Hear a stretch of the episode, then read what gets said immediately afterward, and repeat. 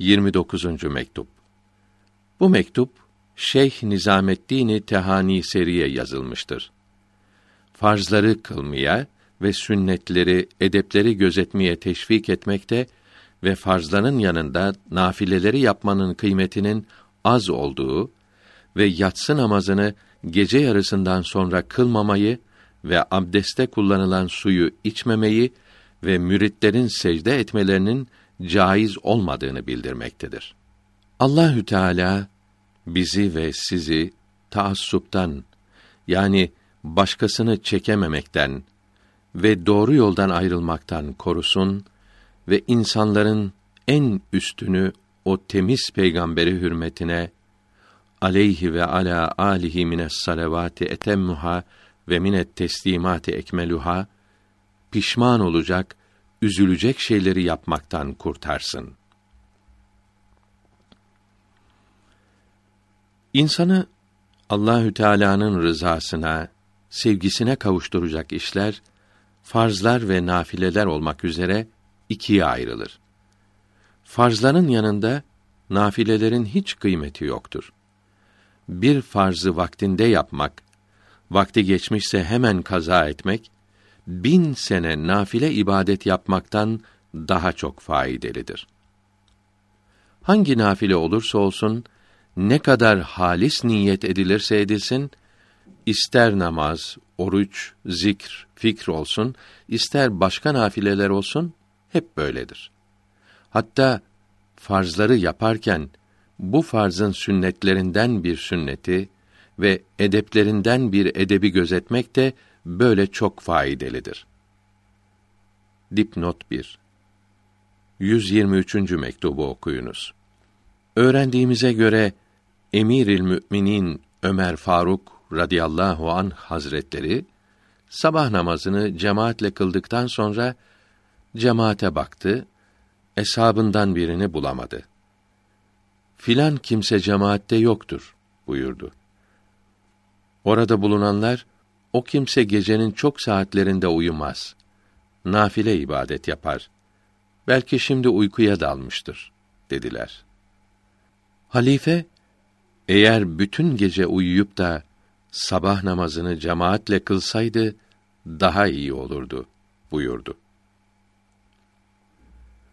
Bundan anlaşılıyor ki bir edebi gözetmek ve tenzihi olsa bile bir mekruhtan sakınmak zikrden ve fikrden ve murakabeden ve teveccühten daha faydalıdır.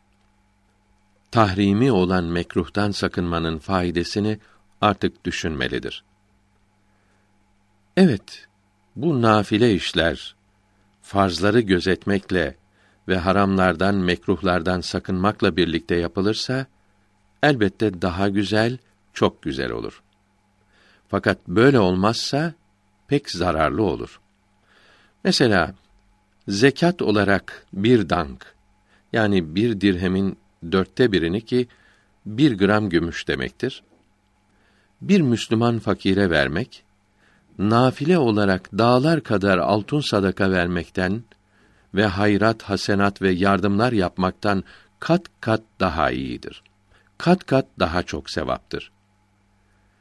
Bu bir dank zekatı verirken bir edebi gözetmek mesela akrabadan bir fakire vermek de nafile iyiliklerden kat kat daha faydalıdır. Bundan anlaşılıyor ki yatsı namazını gece yarısından sonra kılmak ve böylece gece namazı sevabını da kazanmayı düşünmek çok yanlıştır. Çünkü Hanefi mezhebindeki imamlara göre radıyallahu teala anhüm yatsı namazını gece yarısından sonra kılmak mekruhtur. Sözlerinden de kerahat-ı tahrimiye olduğu anlaşılmaktadır. Çünkü yatsı namazını gece yarısına kadar kılmak mübah demişlerdir. Gece yarısından sonra kılmak mekruh olur buyurmuşlardır. Mübahın karşılığı olan mekruh ise tahrimen mekruhtur. Şafii mezhebinde gece yarısından sonra yatsıyı kılmak caiz değildir. Bunun içindir ki gece namazı kılmış olmak için ve bu vakte zevk ve cemiyet elde etmek için yatsıyı gece yarısından sonraya bırakmak çok çirkindir. Böyle düşünen bir kimsenin yalnız vitir namazını gece yarısından sonraya bırakması yetişir. Vitr namazını gece yarısından sonra kılmak müstehaptır. Böylece hem vitr namazı müstehap olan vaktinde kılınmış olur, hem de gece namazı kılmak ve seher vaktinde uyanık bulunmak nimetlerine kavuşulmuş olur. O halde bu işten vazgeçmek ve geçmiş namazları kaza etmek lazımdır. İmam-ı Azam Ebu Hanife Küfi radıyallahu teala an hazretleri namaz abdestinin edeplerinden bir edebi terk ettiği için 40 senelik namazı kaza etmiştir. Şunu da söyleyelim ki abdestsizliği gidermek için veya sevap kazanmak için abdest almakta kullanılmış olan suya müstamel su denir. Bu suyun içilmesi için kimseye izin vermeyiniz. Çünkü İmam-ı Azam'a göre müstamel su kaba necistir. Fıkıh alimleri bu suyun içilmesini yasak etmişlerdir. Bu suyu içmenin mekruh olduğunu bildirmişlerdir. Evet, abdest aldıktan sonra ibrikte kalan kullanılmamış sudan içmek şifa olur demişlerdir. Eğer böyle olduğuna inanan bir kimse isterse bu kullanılmamış sudan veririz. Bu fakir Dehli şehrine son gittiğim zaman bu iş başıma gelmişti. Sevdiklerimizden birkaçına rüyada bu fakirin abdeste kullandığı müstamel sudan içmelerinin lazım olduğu, içmezlerse büyük zarar görecekleri bildirilmiş. Böyle şey olmaz diye çok karşı geldiysem de faydası olmadı. Fıkıh kitaplarına baktım. Kurtuluş yolunu şöyle buldum ki, üç kere yıkadıktan sonra kurbet yani sevap kazanmak niyet etmeden dördüncü yıkamakla kullanılan su müstamer olmuyor. Bu sevdiklerimizin yalvarması üzerine niyet etmeden dördüncü yıkamakta kullanılan suyu içmek için kendilerine verdim. Şunu da bildirelim ki güvenilir birkaç kimsenin bildirdiklerine göre halifelerinizden birkaçına müritleri secde ediyorlarmış. Yeri öpmekle kalmayarak kendilerine karşı secde yapıyorlarmış. Bu işin kötülüğü güneşten daha çok meydandadır. Bu işi yasak ediniz. Hem de çok sıkı yasak ediniz. Böyle işlerden herkesin sakınması lazımdır. Hele başkalarına önderlik eden bir kimsenin böyle işlerden sakınması daha çok lazımdır. Çünkü onun yolunda bulunanlar onun yaptıklarını yaparlar ve bu belaya düşerler. Allah için yapılan secde kıbleye karşı yapılır. Başka tarafa yapılan secde hiçbir zaman caiz değildir. Şunu da bildirelim ki tasavvuf yolunda ilerleyenlerin bilgileri hal ile kavuşulan bilgilerdir. Haller de amellerden hasıl olur. Amelleri dürüst olan ve ibadetleri hakkıyla yapan kimselerde haller hasıl olur. Bu haller birçok şeyleri öğrenmelerine sebep olur. Amellerin, ibadetlerin düzgün olabilmesi için bunları tanımak, her birinin nasıl yapılacağını bilmek lazımdır.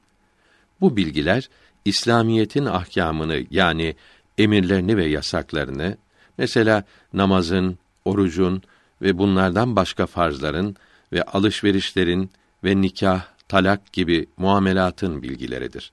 Kısaca Allahü Teala'nın insana emrettiği şeylerin bilgileridir. Bu bilgiler öğrenilmekle elde edilir. Bunları öğrenmek her Müslümana elbette lazımdır. Her şeyi öğrenmeden önce ve öğrendikten sonra birer cihat vardır. Birincisi ilmi aramak, bulmak ve elde etmek için çalışmak cihattır. İkincisi ilmi elde ettikten sonra yerinde kullanabilmek için yapılan cihattır. Bunun için kıymetli toplantılarınızda tasavvuf kitapları okunulduğu gibi fıkıh kitaplarının da okunulması ve öğrenilmesi lazımdır.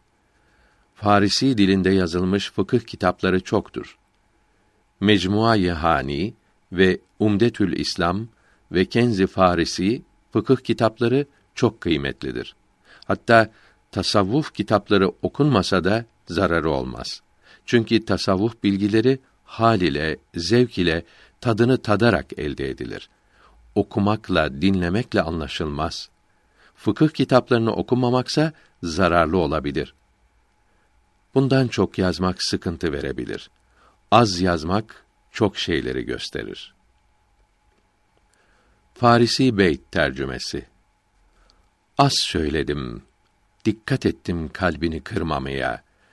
Bilirim üzülürsün, yoksa sözüm çoktur sana. Allahü Teala bizi ve sizi sevgili peygamberine aleyhi ve ala alihi salatu ve selam tam olarak uymakla şereflendirsin.